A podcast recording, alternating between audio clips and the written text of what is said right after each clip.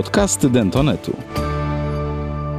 O biologii tkanek w stomatologii mówi implantolog, doktor nauk medycznych Krzysztof Gronkiewicz. Bardzo dużo lekarzy patrzy właśnie na ten aspekt biologii.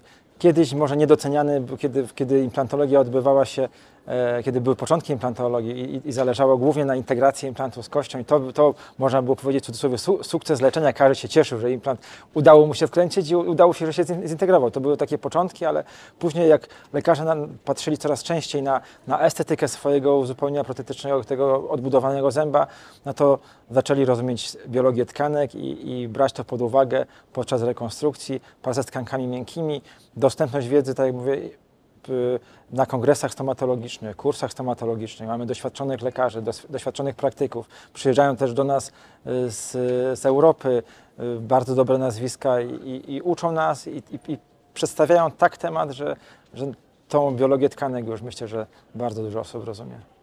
Te, te uwarunkowania protetyczne bardziej to jest tak, że jak prawidłowo albo jak w zgodzie z naturą wkomponować uzupełnienie protetyczne do biologii tkanek i, w jaki sposób, jeśli nie ma takiej możliwości, aby, aby tą biologię tkanek, ponieważ ty- my o biologii tkanek, jak mówimy, to mówimy estetyka biała i czerwona. To dawniej tylko była i estetyka, że ząb, ząb miał być ładny, a teraz się estetyka biała i czerwona, no to odbudowa prawidłowych tkanek miękkich, miękkich i prawidłowych tkanek twardych. Jeśli nie ma możliwości, że odbudujemy prawidłowo tkanki miękkie, to wówczas zastępujemy je e, materiałami protetycznymi, czyli najczęściej ceramiką, rzadziej kompozytem, akrylem, najczęściej ceramiką, ale to właśnie jest w zgodzie z naturą, nie gwałcąc tych praw, dając możliwość oczyszczania, nie powodując nadmiernych ucisków. Tak właśnie tr- trzeba rozumieć, żeby wkomponować element protetyczny w naturalny organizm. Dochodzi w wyniku po, po usunięciu zęba, e, dochodzi do, do zaniku tkanek twardych i miękkich. I według piśmiennictwa to bez żadnej ingerencji to najczęściej po usunięciu zęba dochodzi do utraty 50% kości. Stosując techniki zachowania wyrostka zębodołowego, to możemy te, temu zapobiec aż w 30% i zwiększyć, e, tam zmniejszyć ilość zaniku do 20%, czyli pozostaje 80%. I, i to są najczęstsze p- te elementy, dlaczego tych tkanek brakuje. Uraz, próchnica, stan zapalny, przedłużanie na, na siłę, za, za długo utrzymywanie zęba, który już jest praktycznie powinien być zakwalifikowany do usunięcia, no to też generuje to, że tworzą tam się wokół niego stany zapalne, no i później pogarsza ten wynik, ten efekt estetyczny. Więc wtedy, wtedy tych tkanek będzie ba- brakowało więcej. Du, du, dużo, najczęściej takim, takim w rozumieniu estetyki no to jest ząb sieczny centralny i jego rekonstrukcja. I, i dzisiejsze techniki, dzisiejsze rozumienie tych technik to, to daje nam taką możliwość, że e, natychmiastowo implantujemy, uzupełniamy tą przestrzeń pomiędzy implantem a, a kością materiałem e, ksenogennym, no i, i, od razu rekonstruujemy e, tymczasową koroną protetyczną przekręcaną, tylko że bez okluzji. To jest bardzo ważny element, jeśli chodzi o, o rekonstrukcję protetyczną koron tymczasowych w natychmiastowej implantacji. No i, i, i, piśmiennictwo pokazuje, że tutaj możemy uzyskiwać te na- najlepsze efekty, naj, naj, najlepsze re- rezultaty. Jedno z badań e, grupy nowojorskiej profesora Tarnowa, Czu, to pokazują właśnie, gdzie, gdzie badali e, w jakim stopniu dochodzi do, do, do zaniku tkanek twardych i miękkich, jeśli właśnie stosują e, odroczoną im- implantację, natychmiastową implantację z implantem pogrążonym, natychmiastową implantację z, przykrę- z przykręceniem śruby gojącej, natychmiastową implantację z rekonstrukcją koroną tymczasową, to w ich badaniu dały im to najlepsze efekty, jeśli chodzi o poziom tkanek i wygląd tkanek miękkich.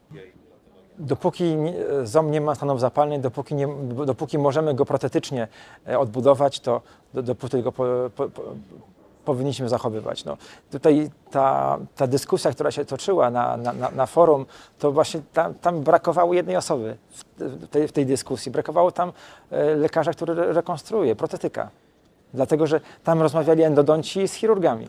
Czyli y, to była rozmowa, rozmowa na, na temat, czy, e, od, czy leczyć ząb endodontycznie, a dzisiaj wiemy, że leczy, leczenie endodontyczne może za, zakończyć się bardzo dobrym powodzeniem i długoczasowym wynikiem odległym, a i, i z drugiej strony chirurgiczne, czy już nie leczyć i usunąć ten ząb, ale wyleczyć można, wypełnić prawidłowo można, wszystkie procedury, ale później odbudowa protetyczna może być nieefektywna i może dochodzić tutaj, tutaj, tutaj do, do powikłania. Więc to jest ten, ten aspekt, kiedy leczyć, a kiedy, a kiedy nie leczyć. estetyka to nie jest tylko i wyłącznie to, że coś, że coś jest ładne. Tylko za estetyką jest bardzo dużo, wiele nauk ścisłych, które, które są i fizyka, biochemia, biologia, materiałoznawstwo, technologie materiałowe, że te wszystkie elementy są za tą estetyką, że estetyka to jest również e, oprócz tego piękna, które, które my ok- określamy jako estetykę, to jest jeszcze zdrowie i funkcja.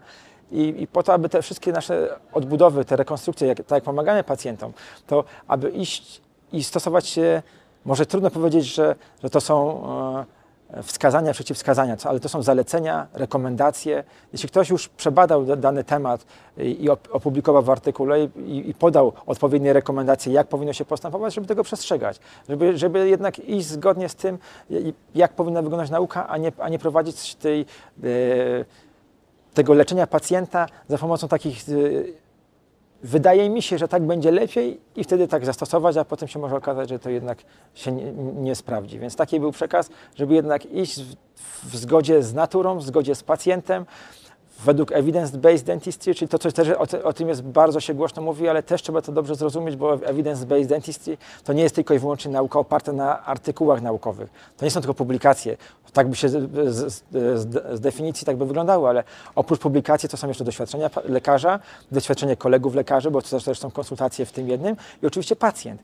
Wymagania pacjenta, potrzeby pacjenta i też jego możliwości finansowe, a także zdrowie ogólne, czy jest w stanie wytrzymać dane leczenie. Więc te wszystkie elementy jakby dają całość, dają evidence-based dentistry. I to, czy my, to nie jest tylko laboratorium, że jest badanie laboratoryjne i uda się albo się nie uda i wyjdzie albo nie wyjdzie, tylko to jest wszy- wszystkie technologie przeprowadzone na żywym organizmie.